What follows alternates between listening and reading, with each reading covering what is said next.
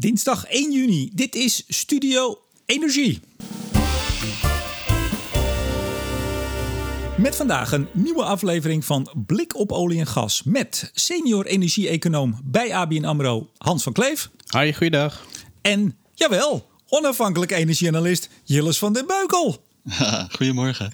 En mijn naam is Remco de Boer. Heren, weer samen met z'n drietjes. Jilles, jij uh, trok aan de bel vorige week.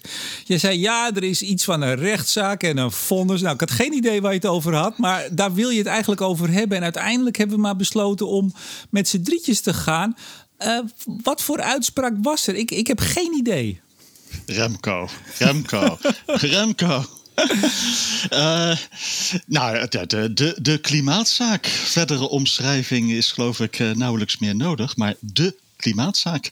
Uh, toch wel, ja, Milieudefensie CS, cum suis, tegen, tegen Shell. Ja. hey, Hans, even...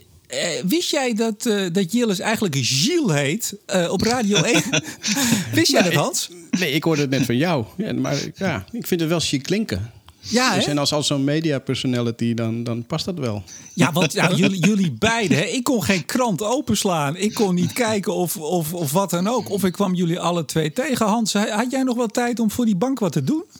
Ja, dit, dit doe ik ook voor de bank. Dus uh, nee, maar ja, het, het, is, het is natuurlijk zo'n unieke uitspraak. Uh, en, en de gevolgen daarvan zijn dusdanig. Uh, ja, uh, kunnen in potentie heel erg groot zijn. Dus ja, dat, ik, ik, ik begrijp dat er heel veel vragen leven bij, bij, uh, bij de media, bij, bij de mensen die daarin geïnteresseerd zijn, maar ook bij onze klanten. Dus wat dat betreft uh, ligt het in elkaars verlengde. Maar de media weet jou ook wel, nou weer, nog meer, veel meer te vinden. Ja, dat, dat, dat wisten ze al wel. Maar de, ja, ook op dit onderwerp. Het is, het is wel mooi dat, dat ik niet alleen een keer gebeld word voor olieprijzen, maar ook voor andere dingen. Dit, dat deed ik al heel erg lang. Uh, uh, binnen de bank in ieder geval. Maar ook buiten de bank wordt dat steeds meer bekend. Dus helemaal goed. Gilles, even een vraag. even een vraag. Wij, stond, wij stonden donderdag alle twee van ochtends tot nou toch een eind in de middag op de lijst om bij op 1 s'avonds aan te schuiven. We zijn het alle twee niet geworden. Men ging voor Ed Nijpels. Ja, ja dat snap je ook wel, hè? de klimaatpaus. Maar dan moet me één ding, uh, ja, wil ik je toch vragen. Moet me van het hart eigenlijk. Het blijkt dat jij geen idee had wat het programma op één was. Nee, ik dacht dat het een radioprogramma was. en, en, ze informeerden me, me uh, ik nog met mijn slaperige kop om acht uur s ochtends, toch, uh, toch heel beleefd. Nee, het is echt een tv-programma. En uh, ja, met, met Jort Kelder, weet u wel. Dus ik kijk eerlijk gezegd nauwelijks tv. Jort Kelder, zei jij? Hoe de fuck is Jort Kelder? Uh, de vriend van Mark Rutte, dat weet ik nog wel. Ja, maar we zijn het alle twee niet geworden. En toen ik op een gegeven moment smiddags hoorde... ik zei van, nou, wie hebben jullie dan nog meer misschien aan tafel? Nou, we hebben een meneer van HCSS, een meneer Van den Beukel. Ik zeg, ah, Gilles. Nou, die moet je hebben. Maar ja, ze hebben het niet gedaan. Goed. Nee, en uh, eerlijk gezegd, uh, ja, voor mij was het niet eens zo, zo, zo gek hoor. Want uh, ik was echt donderdag de hele dag met, met media bezig, met kranten. maar dan heb je eigenlijk niet goed de tijd om het vonnis helemaal goed door te lezen. En dat is toch wel handig, eigenlijk. Ja, nou, ja. Ik, ik heb hem inmiddels helemaal gelezen. Ik denk jij ook. Ik ook, ja. Hans? Ja. Gescand. Ja. Want ik heb even de PDF ervan. Dat is 50 pagina's. Hoe ver ben je gekomen, Hans? Oh nee, ik heb hem wel helemaal doorgebladerd. Maar ja, er stonden heel veel dingen in. Uh, wat, wat meer in algemene zin was. Zeg maar, de eerste 20 pagina's is wat is klimaatbeleid eigenlijk. Dus die kun je redelijk snel overslaan. Dus ik, wat ik zeg, ik heb het uh, vooral gescand. Oké, okay, nou aan jou de eer. Wat is het vonnis? Waartoe is Shell RTS, de Shell groep, uh, veroordeeld? Uh, aan mij de eer, zei je? Ja. Uh, nou ja, in, in, in, uh, in, in het heel kort is de 45% CO2-reductie um, die, ja, zeg maar, als in het Parijsakkoord, die wordt vertaald naar scope 1 voor Shell. Oftewel dat wat Shell zelf aan CO2-verlaging moet realiseren in 2030.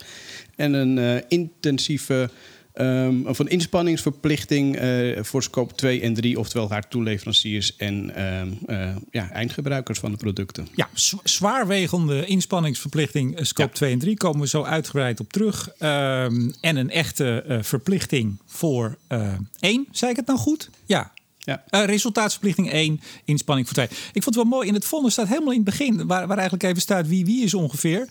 RDS, Shell dus, is verplicht om via het concernbeleid van de Shell-groep te zorgen voor CO2-reductie van de Shell-groep, haar toeleveranciers en afnemers. Dat volgt uit de voor RDS geldende ongeschreven zorgvuldigheidsnorm die de rechtbank heeft ingevuld aan de hand van de feiten, breed gedragen inzichten en internationaal aanvaarde standaarden. Jillis, is dit niet waar het eigenlijk om gaat? Uh, ja, uh, in zekere zin wel. En, uh, en daarom zie je dit ook, uh, nou ja, niet alleen in Nederland, maar ook op de Financial Times, de Wall Street Journal en de New York Times. Van ja, wat dat betreft is het een groot ding. Nee, maar dat, dat de rechtbank zegt. Uh, het gaat over de ongeschreven zorgvuldigheidsnorm. Iedereen moet eigenlijk gewoon aan de bak, want we komen straks op het vonnis en we gaan het helemaal uitspitten. Wat er nou precies en vooral op welke gronden de rechtbank tot dit oordeel is gekomen. Gaan we het daarna ook nog hebben over de gevolgen, de mogelijke gevolgen.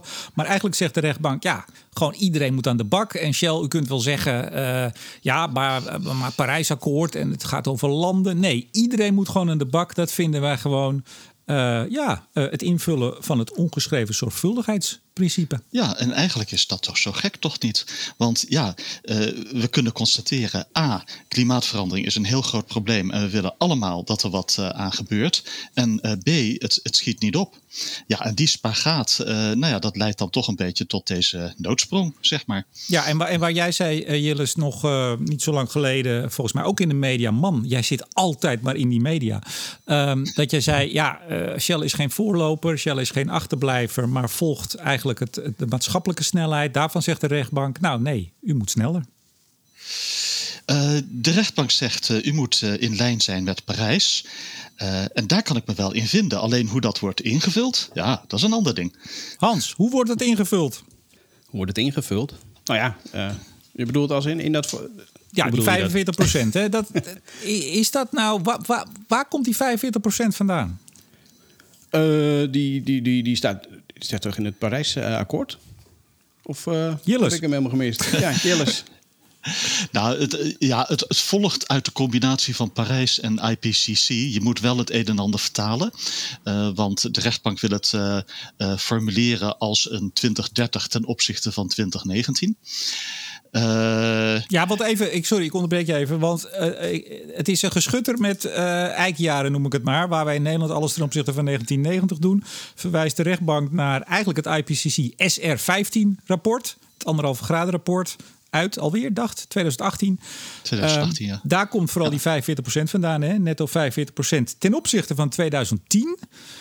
Dat was aanvankelijk ook, dacht ik, de eis van uh, Milieudefensie. Ik heb het nog wel eens op hun website gezien. Maar uiteindelijk is dat weer omgezet naar ten opzichte van 2019. Ja, kunt u het nog volgen? We zijn er nog.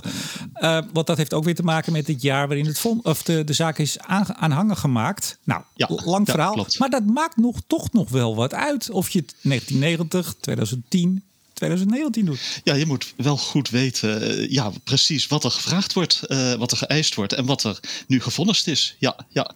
En dat is uh, inderdaad 45% minder in 2030 ten opzichte van 2019. Uh, en uh, een, een, resultaatsverplichting scope 1 en een zware inspanningsverplichting scope 2 en 3. Maar nog even ja. over die, dat, dat eikjaar noem ik het maar even. Um, ik vond de passage in het vonnis niet heel helder, waarbij Milieudefensie had ingebracht dat het eigenlijk gunstig was voor Shell om het ten opzichte van 2019 te doen in plaats van 2010. En waarbij Shell zei: ja, maar onze uitstoot was in 2019 hoger. Dat is ook onbetwist. En dus hebben we eigenlijk een hogere opgave. Of heb ik het niet goed gelezen? Nou, wat moeilijk is voor Shell is, ze zijn de afgelopen jaren al bezig geweest uh, om hun uh, carbon footprint, scope 1 bijvoorbeeld, omlaag te, te krijgen. door nou ja, methaanlekkages aan te pakken, door Canadese oliezanden te verkopen. Ja, en daarvoor worden ze niet beloond. Hm. Terwijl een achterblijver in wezen wel beloond wordt. Want ja, uh, als uh, het niet om absolute niveaus gaat, maar om uh, 2019 naar 2030 uh, teruggang. Ja, dat is voor een Gazprom een stuk makkelijker dan voor een Shell. Ja, jij zegt ook wat je schreef een column bij Energia. je hebt het over ongelijkheid, hè? rechtsongelijkheid. Uh, ja, toch wel een beetje. Van, uh, het, is, uh, het is, nou ja, als je een analoog wilt, je hebt de gemeente en die wil dat er langzamer gereden wordt. Nou ja, en Shell die vorig jaar 60 km per uur reed in de bebouwde kom, die moet nu naar 30. Ja, en iemand die 180 km per uur reed vorig jaar, die moet nou naar 90. En dat is niet eerlijk, zeg jij. Nou, ik zei niet, eh, nee, nee, ik zei niet dat het niet eerlijk is. ik zei dat het ongemakkelijk voelt. Hmm. Ik zei niet eens dat het incorrect is. Uh, voor mijn gevoel is maar één uh, incorrect item in dit uh, vonnis. Maar, maar dan komt het zo, wacht even, want je, ja, je, je pakt alweer de hele vloer natuurlijk. Ja, jij bent niet anders gewend natuurlijk. Hans, dat, dat vonnis dat kwam die woensdag. staat er dan bij jou meteen, want je zei het net al even, klanten ook, hè, staat dan meteen de telefoon rood gloeiend? Hoe gaat dat? Ja, nou niet meteen, maar dat, dat, dat zijpelt in de loop van de dag en, en zeker in de dagen daarna uh, natuurlijk wel door. Um, en dat, dat uh, ik, ik ren wel heel erg wat Jillis ook zegt. Want je wordt natuurlijk heel met, meteen bevraagd door de media. En van wat vind je ervan? Nou ja, terwijl je eigenlijk niet echt de tijd hebt om, om eens goed na te denken van wat vind ik er eigenlijk van. Um, ik denk dat dat het mooiste uitkwam nog van, van wat we volgens mij we alle twee, uh, Jillis uh, en ik, in, in, het Energia-artikel wat gezegd dat dat verbazing daar toch in overheerst. En ja, je, je, moet toch eens nagaan denken. En eerlijk gezegd, daar was ik het hele weekend nog steeds mee bezig. Van ja, wat betekent dit nu eigenlijk? En niet alleen voor Shell. Ik bedoel, uiteindelijk, kijk, ik ben geen aandeelanalist. En, en wat het voor Shell inhoudt, nou ja, daar, zullen we het zo nog wel over hebben. Maar, uh, maar wat, wat, betekent dat vooral voor het klimaatbeleid, voor de economische gevolgen, voor uh, de leveringszekerheid, uh, voor, voor ons als consument. En, en met name nog, wat betekent dat dit toch redelijk op, op Nederland gefocust is of op Europa? Terwijl klimaatbeleid natuurlijk een mondiaal ding is. Dus dat, ja, dat kost tijd. En Um, en, en op al die onderdelen zijn er klanten die, ja, die, die specifiek naar hun eigen uh, ja, belang daarin vragen. Nou, nou die, die mogelijke gevolgen, daar wil ik het aan het eind eh, van deze podcast over hebben. Maar ik wil even terug, Jilles, naar het vonnis. En vooral de gronden waarop de rechtbank tot uh, de uitspraak is gekomen. Want ik vat het maar even kort samen. Ik zei het net eigenlijk al. Het hele verweer van Shell is eigenlijk ja, met de grond gelijk gemaakt. Uh, die zegt ook van ja, hè, wij zijn maar relatief, toch relatieve kleine speler. Wel groot, maar ja. toch klein. Ja. dit is ja. toch iets van staten. Je, je, creëert inderdaad ongelijkheid. Nou, het, het, hele verweer, ik zou bijna zeggen tegen luisteraars, gaat vonnis toch even lezen. Je kan er inderdaad doorheen skippen en dan ben je er met een, een dik uurtje ben je er wel doorheen. Pak, pak eens anderhalf, mag ook. Maar wat, wat waren nou de, de, de gronden van de rechtbank waarop ze tot dit oordeel is gekomen? Ik denk vooral dat het voor uh, de mensheid, en specifiek Nederland, de Nederlandse bevolking, uh, de Wadden werden er ook bij gehaald, ja, noodzakelijk is dat wij uh, klimaatverandering stoppen, dat wij opwarming tegengaan. dat vullen ze wel in van, ja, Parijs zegt well below 2 degrees, maar de rechtbank zegt hier echt hard anderhalve graad is het uitgangspunt. Ja, dat is raar. Dat, dat vond ik ook zo, zo gek. Want... Ja, dat vond ik treffend, want well below 2 degrees kun je ook invullen als 1,8 graden. En dan heb, is je carbon budget, wat je nog aan CO2 mag uitstoten, wereldwijd uh, nou, bijna twee keer zo groot als, uh, als anderhalve graad. Ja. En, en uh, ik heb geen probleem met well below 2 degrees. Maar ik vind het wel frappant en weer ongemakkelijk dat een Nederlandse rechtbank hier zelf vastpint op anderhalf dat vind ik, uh, dat mag wel een politieke beslissing zijn. Maar de, de, de rechtbank, ja. die, sorry, zei je wat Hans? Nee, nou, ik, ik zat inderdaad, eh, want je zei van, van de, de Waddeneilanden worden erbij gehaald. Ja, we hebben het over een mondiale uh, temperatuurstijging. En vervolgens, als je dan zegt van ja, bij, bij de, de 4 graden scenario's die ook door het IPCC worden beschreven, ja, dan, dan dreigen de Waddeneilanden voor 2100 onder water te staan. Ik denk ja, dat, dat is wel een scenario dat, waar, we eigenlijk helemaal niet meer op afsteven. Hè. We hebben wel een stated policy scenario, zoals dat door het Internationaal Energieagentschap wordt beschreven.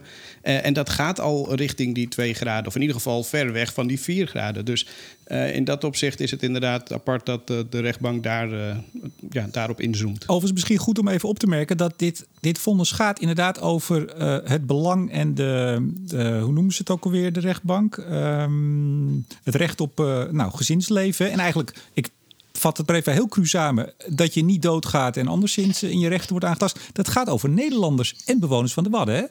Dat is wel het vonnis. De Wadden werd er specifiek bijgehaald. Nee, maar het gaat niet over de wereldbevolking. Het gaat over de bevolking in Nederland. Ja, ik denk het wel. Ja. Uh, maar moet ik zeggen, die hele juridische kant van het vonnis, ja, de, uh, daar ben ik minder goed van uh, in thuis dan zeg maar de energiekant. maar, maar wat Hans net ja. zei over die, ehm, die, die, scenario's. Kijk, de, de rechtbank schrijft ook dat in de meeste scenario's geen van de getijdenbekkens, zoals het heet, in de Nederlandse Waddenzee tegen 2100 verdronken zal zijn. En er staat er inderdaad, maar in het meer extreme scenario, de Conto en Pollard, mm -hmm. zaakjes, ja, daar zou het dan weer wel voor 2100 uh, eh, zijn gebeurd. Maar even toch los van, hè, want we komen inderdaad al heel snel en we zijn alle drie, volgens mij zijn we alle drie geen jurist. Ik ben het in ieder geval niet. Nee. Uh, voordat we daarin uh, verzanden. ja, zegt de rechtbank voor het, oh ja, het ongestoord gezinsleven, daar zocht ik net naar. en inwoners van de Wadden. Ja, iedereen moet gewoon zijn ding doen. En uh, het, het zal allemaal wel dat het niet zo fijn uitkomt voor uw Shell. En we moeten maar eens kijken wat het effect ervan zal zijn. Daar gaan we het zo nog even over hebben. Maar dat is toch eigenlijk de bottom line, uh, Gilles. Ieder, iedereen moet aan de bak. Klaar, punt. Ja, en, en, en dat vond ik dus ook wel opvallend. Van of deze maatregel voor Shell nu helpt voor het klimaat of niet, dat doet er niet toe. Iedereen moet aan de bak. Ja, Hans, heb jij uh, punt 11 uh, in de argumentaties, noem ik het maar even als niet-jurist, maar dat gaat over de effectiviteit van de reductieverplichting. Op jouw scan, heb jij die passage nog uh, voor de bril? Nee. en anders is voor de luisteraars ook goed om het nog even te herhalen. maar, ik heb hem heb gescand, jij, niet uit mijn hoofd geleerd. Nee, Jellis, heb jij die nog voor je, letterlijk of figuurlijk? De effectiviteit van dit vonnis? Uh, ja, als je, als je een bladzijde hebt, dan heb ik een. dan, dan zie ik hem op een iPad. Het is wel grappig. Jullie, jullie zijn in de media wel heel makkelijk weggekomen hè? Met, met, met een quoteje links en rechts. Nu gaat het over echte vragen. Punt 11. Punt 11. Ja, staat het aan het begin of aan het eind, Remco? Nou, dat zijn maar twee alineaatjes. Kijk, dat is het aardige. En dat is ook wel het opvallende. Want ik kreeg ook nog wel zo links en rechts wat, wat appjes gestuurd. Van, goh, heb je dat gezien en wat vond je daarvan? Maar punt 11 gaat over de effectiviteit van de reductieverplichting van Shell, uiteraard. En ja, daar, daar staat eigenlijk, uh, ja, of het, ook als het dan maar een beetje is, dan uh, alle, alle kleine beetjes helpen het. Ik zal het letterlijk voorlezen. Uh, hier is mede van belang dat iedere reductie van de uitstoot van broeikasgassen een positief effect heeft op het tegengaan van een gevaarlijke klimaatverandering. Shell zegt natuurlijk, ja, kleine beetjes hebben niet zoveel zin. Je moet dit mondiaal aanpakken, et cetera. En als je ons alleen veroordeelt, ik vertaal het even vrij, dan uh, ja, wat, wat zegt dat dan? De rechtbank zegt, nou ja, alle beetjes helpen. En dan hebben ze het over het Production Gap Report.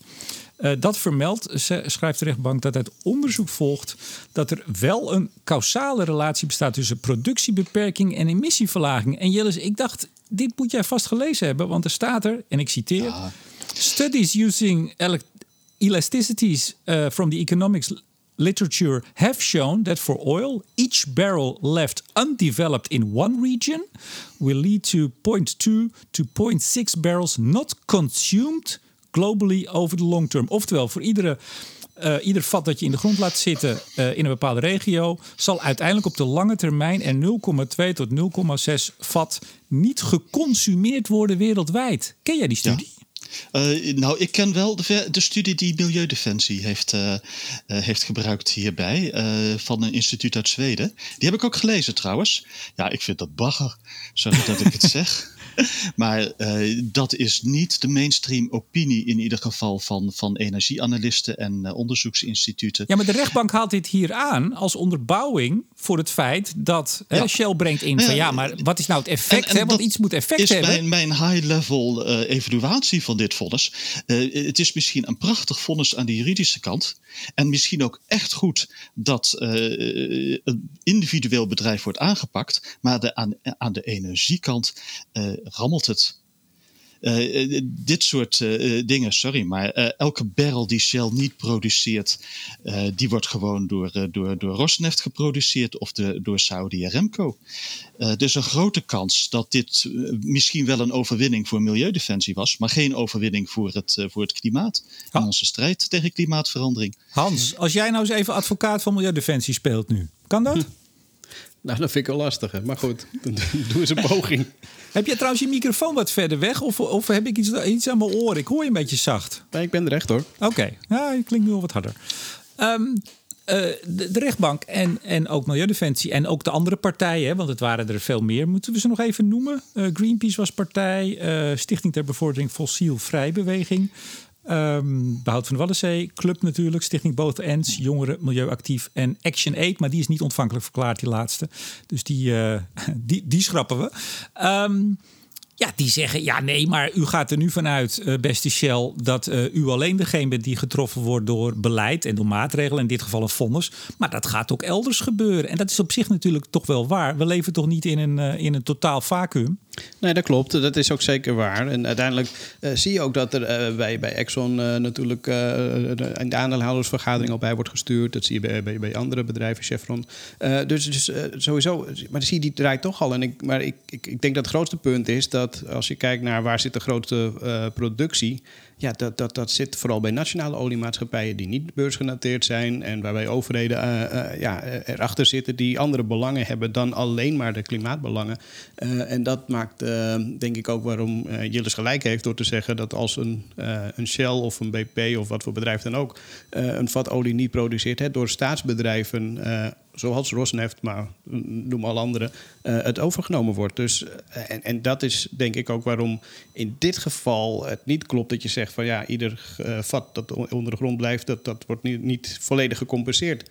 Dat zou wat anders zijn op het moment dat je de vraagzijde aanpakt. Maar Jelle, je, je wou wat zeggen, geloof ik. Maar wat, wat had de rechtbank dan moeten doen? Moet hij dan zeggen, ja, ja, maar ja, als u het niet doet, dan doet een ander het wel, dus laat maar zitten. Oh, uh, je, je vraagt aan mij, Remco, wat het ideale vonnis zou zijn. Nou ja. nou, nou uh, eigenlijk, ik vind dat je Shell uh, kunt uh, aanpakken op zijn scope 1 emissies. Uh, dat je zegt van nou, die moeten. En, en elk bedrijf moet je aanpakken op zijn scope 1 emissies. Nee, maar wacht even, maar, even terug. Sorry, toch even terug ja. naar het, het punt. Als wij het niet doen, doet een ander het wel.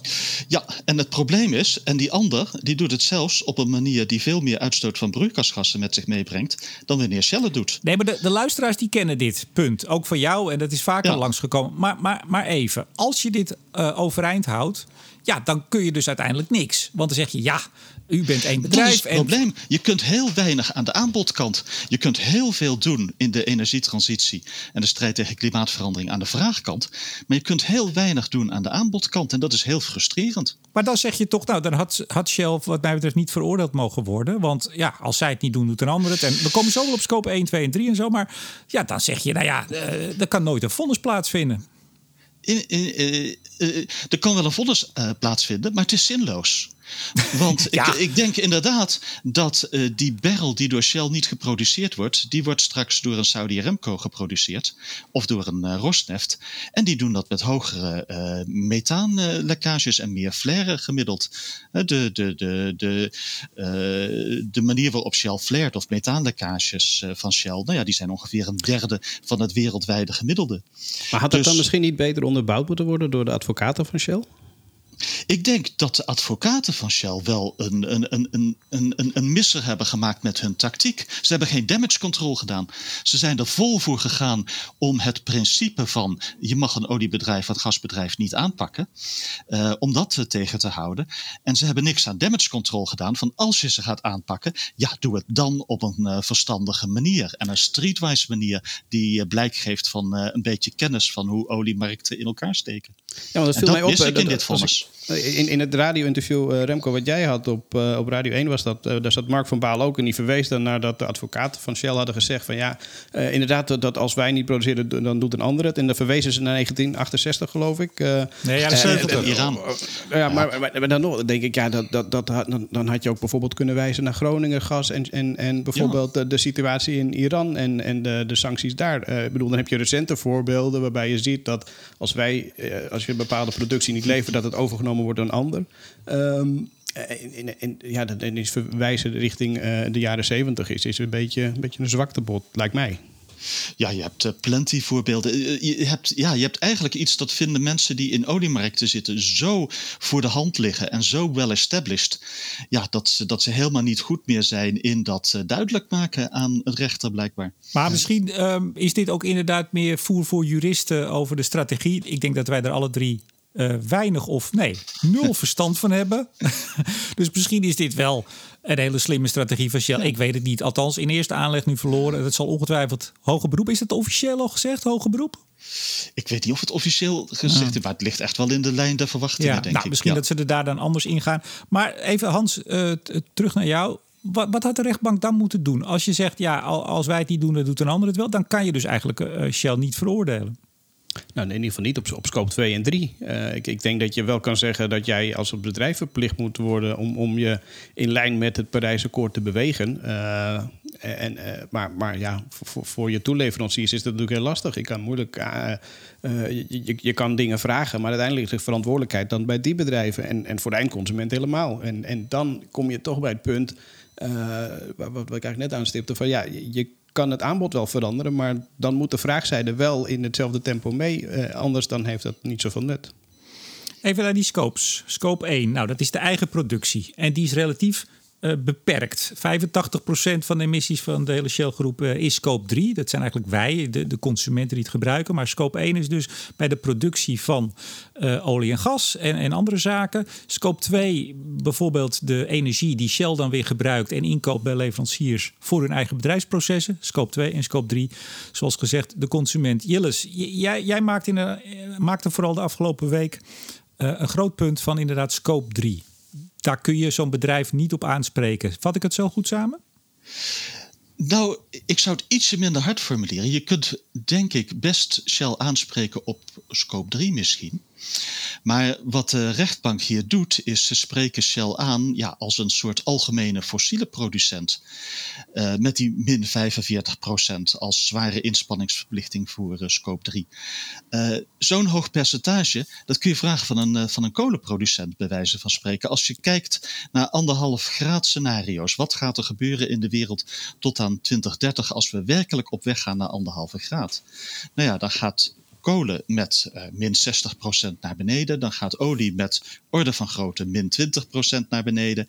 En dan gaat gas met orde van grootte 10% naar beneden. En ze vragen hier 45% op scope 3 gebied. En daar, dat rammelt. Dat, dat, uh, dat, dat schuurt. Je kunt van een, van een olie- en gasbedrijf op scope 3 gebied ja, geen 45 procent uh, verlangen. Je, je kunt ongeveer 15 procent verlangen. Of als ze een beetje compensatie in die, dat decennia al kunnen doen, misschien netto 20 procent. Maar geen, geen, geen 45 procent. Dat kun je van een kolenbedrijf. In wezen behandelen ze Shell hier als een, als een kolenbedrijf. Of, of tenminste een, een olie, gas en kolenbedrijf. Ik wou net zeggen, een gemiddelde, gemiddelde van alles wat. Maar ja, wat ja. zegt het jou, Jilles, dat de rechtbank eigenlijk daar geen, rekens, geen rekening mee houdt met die verschillen? nou, dat, uh, dat blijkbaar die ter sprake is geweest en niet is ingebracht door de Shell-advocaten. Uh, dat, is, dat lijkt me één. dat de rechtbank of niet goed begrijpt hoe dit werkt in, in energiemodellen. in, in, in de anderhalf graad modellen, hè, of die nou van het IEA zijn of de IPCC. Ja, of dat ze nou ja, zo bezorgd zijn over klimaatverandering dat ze, het, ze eigenlijk heel weinig kan schelen uh, hoe redelijk dit vonnis voor Shell nog is. Nou ja, hoe dan ook. Ik vind het ja, wel frappant. Ik vind het het meest frappante, meest controversiële aspect van het, van het vonnis. in een anderhalve graad wereld gaan olie en gas ongeveer 15% minder doen in 2030. En je vraagt hiervoor een vermindering van de scope 3 emissies van, van, van, van 45%. Ja, dat is, dat is sorry dat ik het zeg, dat, dat, nou, laten we het netjes houden. Dat is gewoon uh, uh, een, een incorrect element van dit ja. En als je het nou niet, niet netjes zegt? Waanzin. Hans, hoe kijk Sorry, jij er tegenaan? Ja, het is niet heel spannend voor de luisteraar, maar ik, ik ben het hier wel mee eens. Dat, uh, dat, je kan dat niet vragen. En dat vind ik sowieso nog, uh, ook, technisch gezien, want dat wordt denk ik ook onderbelicht, dat um, de, rechter eigenlijk de hele um, uh, huidige stand van de technologie mist. Het is bijna onmogelijk om aan deze doelstelling te voldoen, tenzij je bijvoorbeeld ja, flink gaat desinvesteren. en of dat dan goed is voor het klimaat. Nou, dat kan je inderdaad afvragen. Maar dat, dat is volgens mij de enige manier waarop je in de buurt komt. Gewoon velden verkopen. Ja. En, en dat is wel iets ja, wat ik in de publiciteit niet zoveel heb, heb gezien. Dit Terwijl jullie daar toch met z'n tweeën voortdurend te zien waren. Ja, nou daar heb ik misschien ook van geleerd. Weet je wat ik doe? Ik geef antwoord op de vragen van journalisten. Oh, dat is een hele, hele domme manier, uh, Jilles. Dank je, Rem. Hey, daar moet ik, kan, kan ik daar ergens een cursus voor krijgen? Zeker. Nee, maar serieus. Scope 1, wat er van Shell gevraagd wordt, dat is best te doen. Sterker nog, eh, volgens mij zijn ze, zijn ze opgeleid om dat inderdaad voor elkaar te krijgen. Uh, maar scope 3, uh, ja, dat is, uh, dat, dat is, dat is. Maar dat heb je doen. toch wel uitgelegd ja. in hem? Dat heb ik je wel horen en, en zien zeggen, volgens mij. Uh, ja, op een gegeven moment ben ik dat gaan, gaan zeggen ook. En ik heb het ook opgeschreven vrijdag voor, voor Energia. Maar ja, dat, dat, dat duurde dus even. Van, ja, dat is ook een les voor mij hoor. Volgende keer moet je gewoon de eerste drie uur na het vonnis je telefoon uitzetten. in plaats van hem gelijk op te nemen. Ja, maar dan word je niet meer gevraagd. ja, nee, want ze staat, gelijk, staat Remco er al in. nee, oh, nee, nee, nee. Nou, dat zal ik je zeggen. Uh, oh, dat is, wel, dat is wel even leuk. Even voor de luisteraars een inkijkje. Uh, ik doe en word inderdaad daarom ook bijna niet meer gevraagd voor uh, schrijvende media. Ik vind schrijvende media sowieso buitengewoon lastig, zeg ik je eerlijk. Want dan zit je soms een half uur uh, aan de telefoon. Uh, dat heb ik vroeger meermaals gehad.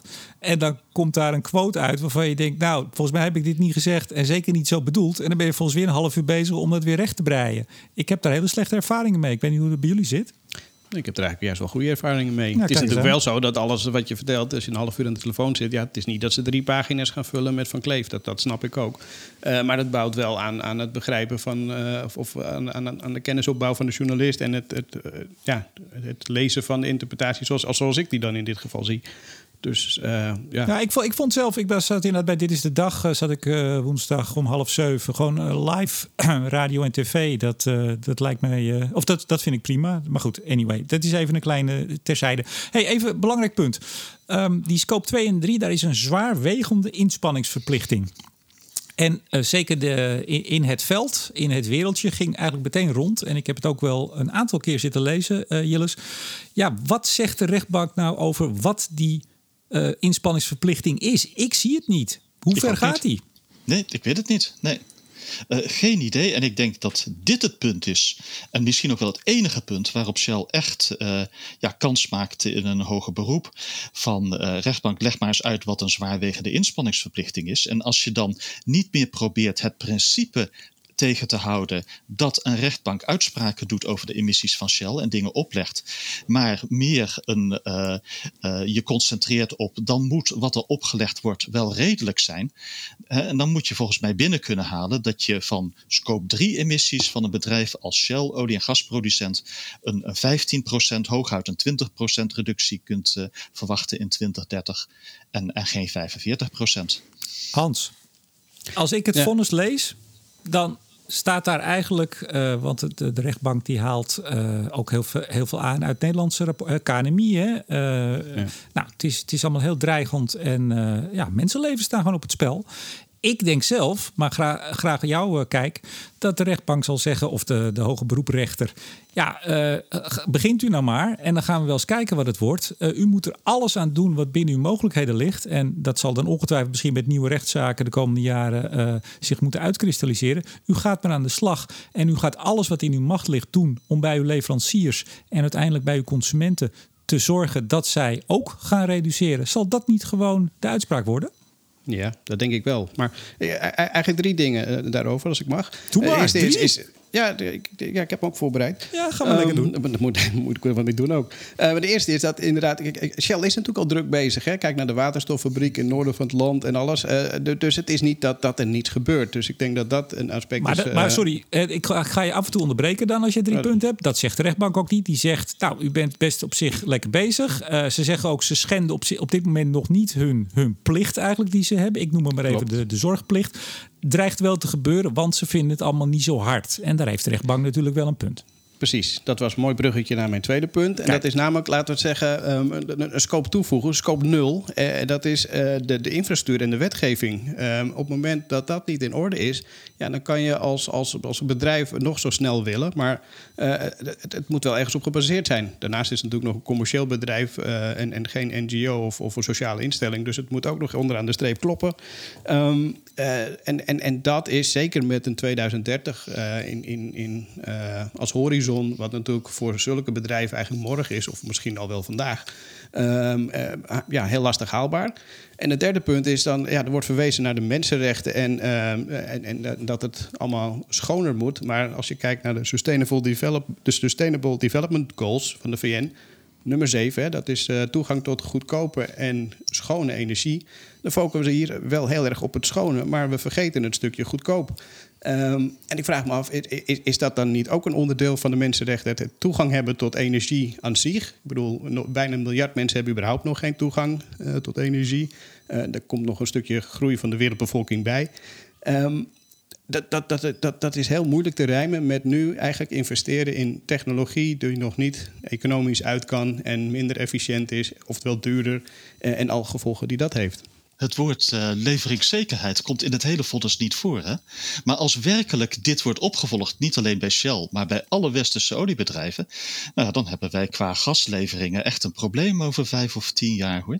Dan zitten we met, eh, met, met, met uh, huid en haar aan, uh, aan, aan, aan vlat vast. Ja, precies. Dus die driehoek klimaat versus leveringszekerheid en economie, ja, die, uh, die, die zou idealiter in balans moeten zijn. En op het moment dat je iets meer focust op één van die drie pijlers, betekent dat, je dat, ja, dat ten koste gaat van, uh, van die andere twee. Jellis, ik ben benieuwd hoe jij daar naar kijkt. Want ik had ditzelfde punt van Hans ook, uh, was mij ook opgevallen. En uh, heb ik ook op mijn lijstje staan. Die mensenrechten kwestie. Kijk, dit was een, is een vonnis uh, voor, voor Nederlanders. Voor inwoners van Nederland en het Waddengebied. Wordt steeds onderscheid gemaakt. Omdat de Waddenvereniging ja, ook partij was.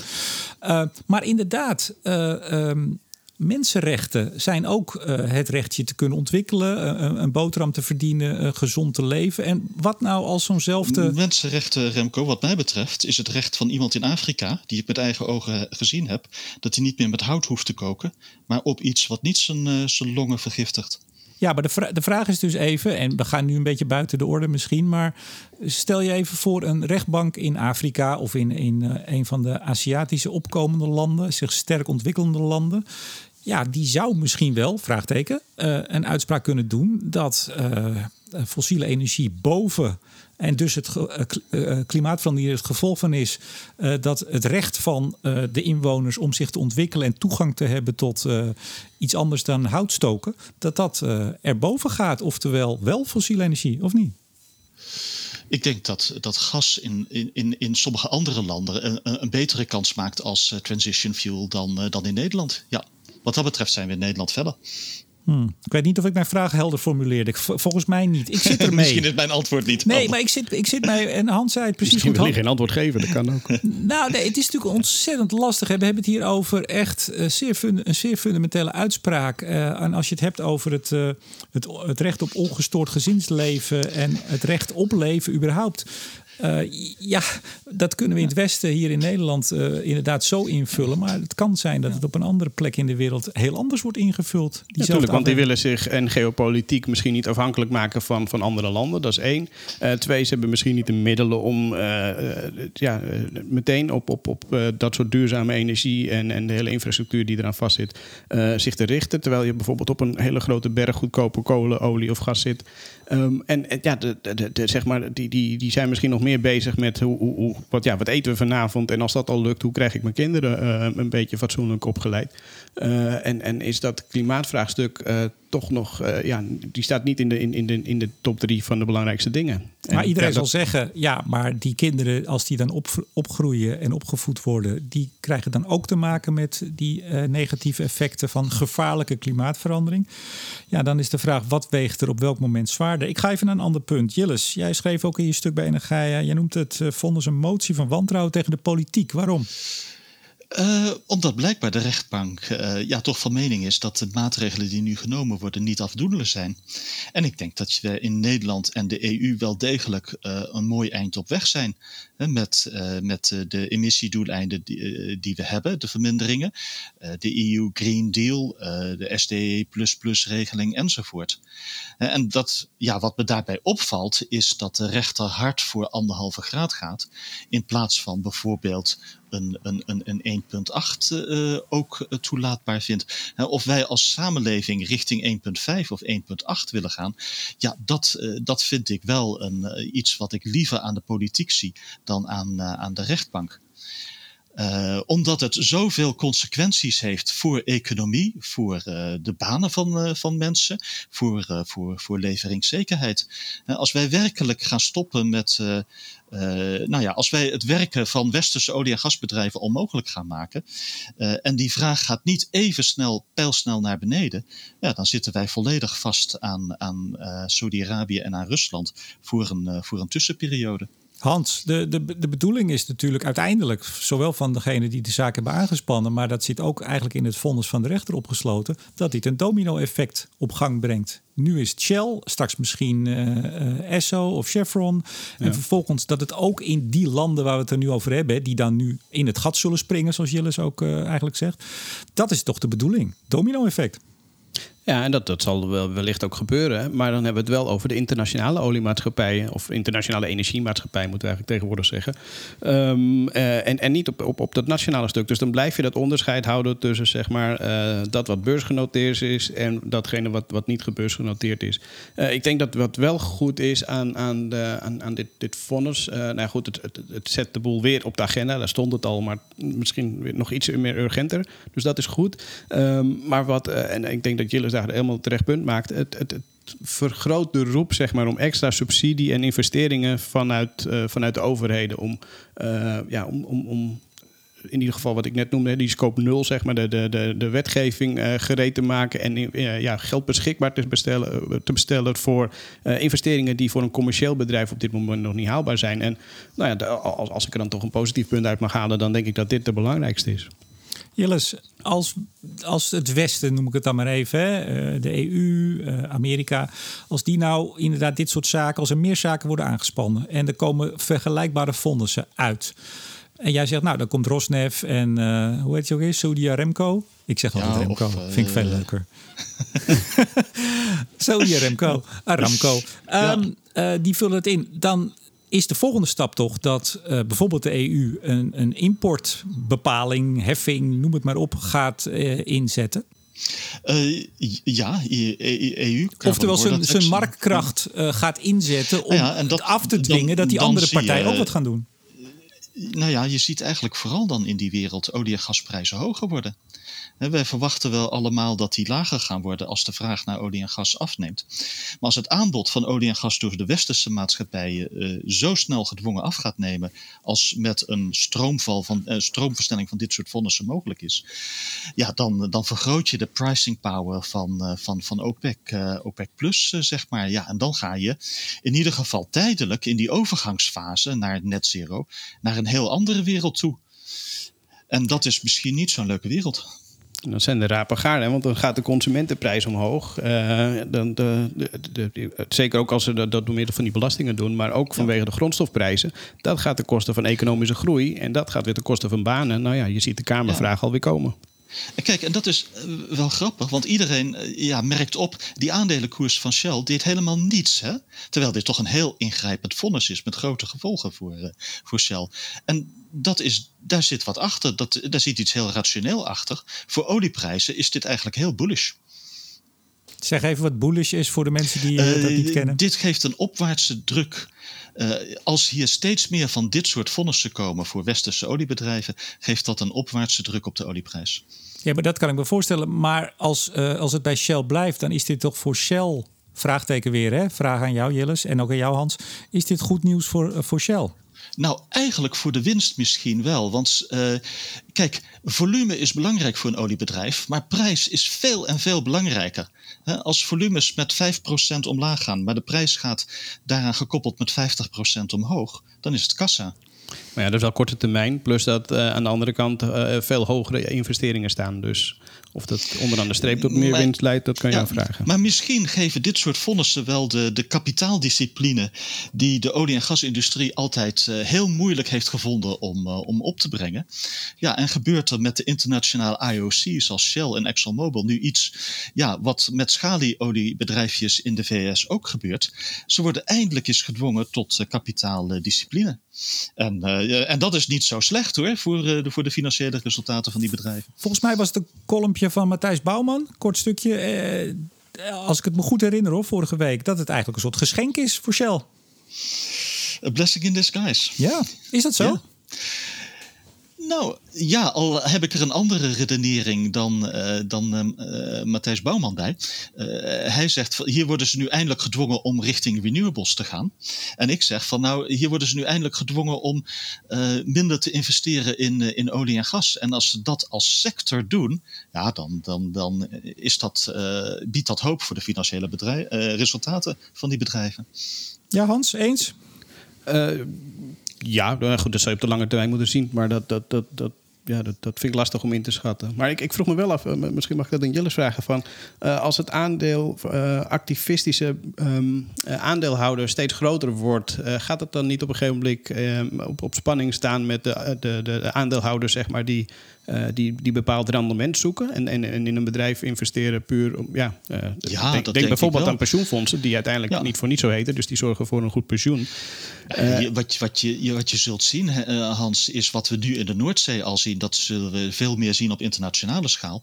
olie en gas zal minder geproduceerd worden door beursgenoteerde bedrijven in de westerse wereld. En meer door private equity, wat van dit soort dingen geen last heeft. Ja, precies dat gaat echt gebeuren. Maar kunnen we dan onder de streep vaststellen dat dit misschien niet eens zo heel slecht... Want dat is natuurlijk in de olie- en gaswereld klonk het al als... Uh, nou, dat is, een, dat is een ramp. Nou, dat valt misschien dus wel mee.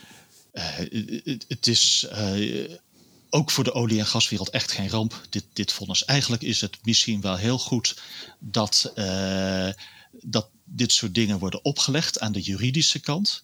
Maar ik vind de invulling aan de energiekant, met name die 45% voor de scope 3, vind ik niet, uh, niet streetwise aan de energiekant. Dat, uh, dat mis ik wel in dit vonnis. Slotvraag, Hans. Wordt het klimaat hier beter van? Korte termijn, nee. Dat denk ik niet. Uh, wat je hoopt is dat inderdaad uh, hier een extra impuls voor komt. Dat, dat de overheden en, en ja, zeg maar die extra stimulans geven om, om die energietransitie vaart te, te, te, te, verder te laten accelereren. Dus, dus snelheid te maken. Um, maar dat, dat, dat hangt van meer factoren af. En ik vraag me ook af of de economische gevolgen op een gegeven moment niet, niet, niet, niet zo zwaar gaan wegen dat ook daar de, de, ja, de weerstand uh, verder groeit.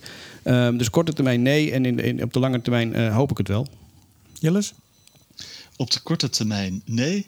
En op de lange termijn misschien zijn er twee scenario's. En dat weten we over 30 jaar. Of we dan Nederland zien als een soort uh, naïeve Einzelganger die een soort van alleingang doet. Uh, die, uh, die weinig navolging vindt. Of dat het ja, echt een, een voorloper is van een meer actief beleid om iets te doen aan klimaatverandering. Wat we uiteindelijk allemaal willen. Is, de, is Shell de eerste steen die gevallen is die de andere omduwt? Of uh, ligt hij straks in zijn eentje zielig op zijn kantje en gaat de rest gewoon vier overeind blijven staan? Ik denk niet dat Shell zielig op zijn kantje ligt. Want laten we wel zijn, Shell is serieus bezig met de energietransitie. Uh, die gaat zijn scope 1 emissies serieus verminderen komende tien jaar. Uh, en dat zou ook zonder dit vonnis wel gebeurd zijn trouwens. Uh, alleen ja, qua op scope 3 gebied hoop ik niet dat ze 45% gaan halen. Want dat zou betekenen dat er naar alle waarschijnlijkheid veel olieproductie van Shell richting Rosneft gaat. Hans, heb jij nog een slotwoord? Want je had je voorbereid. Nou, daar wil ik wel gebruik van maken. Dus heb je nog iets op je lijstje staan waarvan je zegt... nou, dat moet ik nog even, even zeggen. Nou, ik, ik kwam een quoteje tegen. Uh, en, en, en dat gaat dan over energietransitie. Wat ik net zei, van, je, je hoopt dan dat dat versneld wordt hierdoor. Um, en en dat, dat, dat, dat, die, die quote was van... als je niet gelooft in wonderen, ben je geen realist. Dus ik, ik vond dat eigenlijk wel een mooie. Dus um, laat, laten we hopen dat het hiermee nog, nog iets sneller gaat en de goede kant op. Slotwoord Jillis? Nee, ik ben uitgepraat, uh, Remco. ik ben heel benieuwd hoe dit gaat aflopen. Tot zover deze aflevering van Blik op olie en gas met senior energie-econoom bij ABN AMRO Hans van Kleef. Dankjewel. En onafhankelijk energieanalist Gilles van den Beukel. Volgende keer weer Jilles. En mijn naam is Remco de Boer. Graag tot de volgende keer.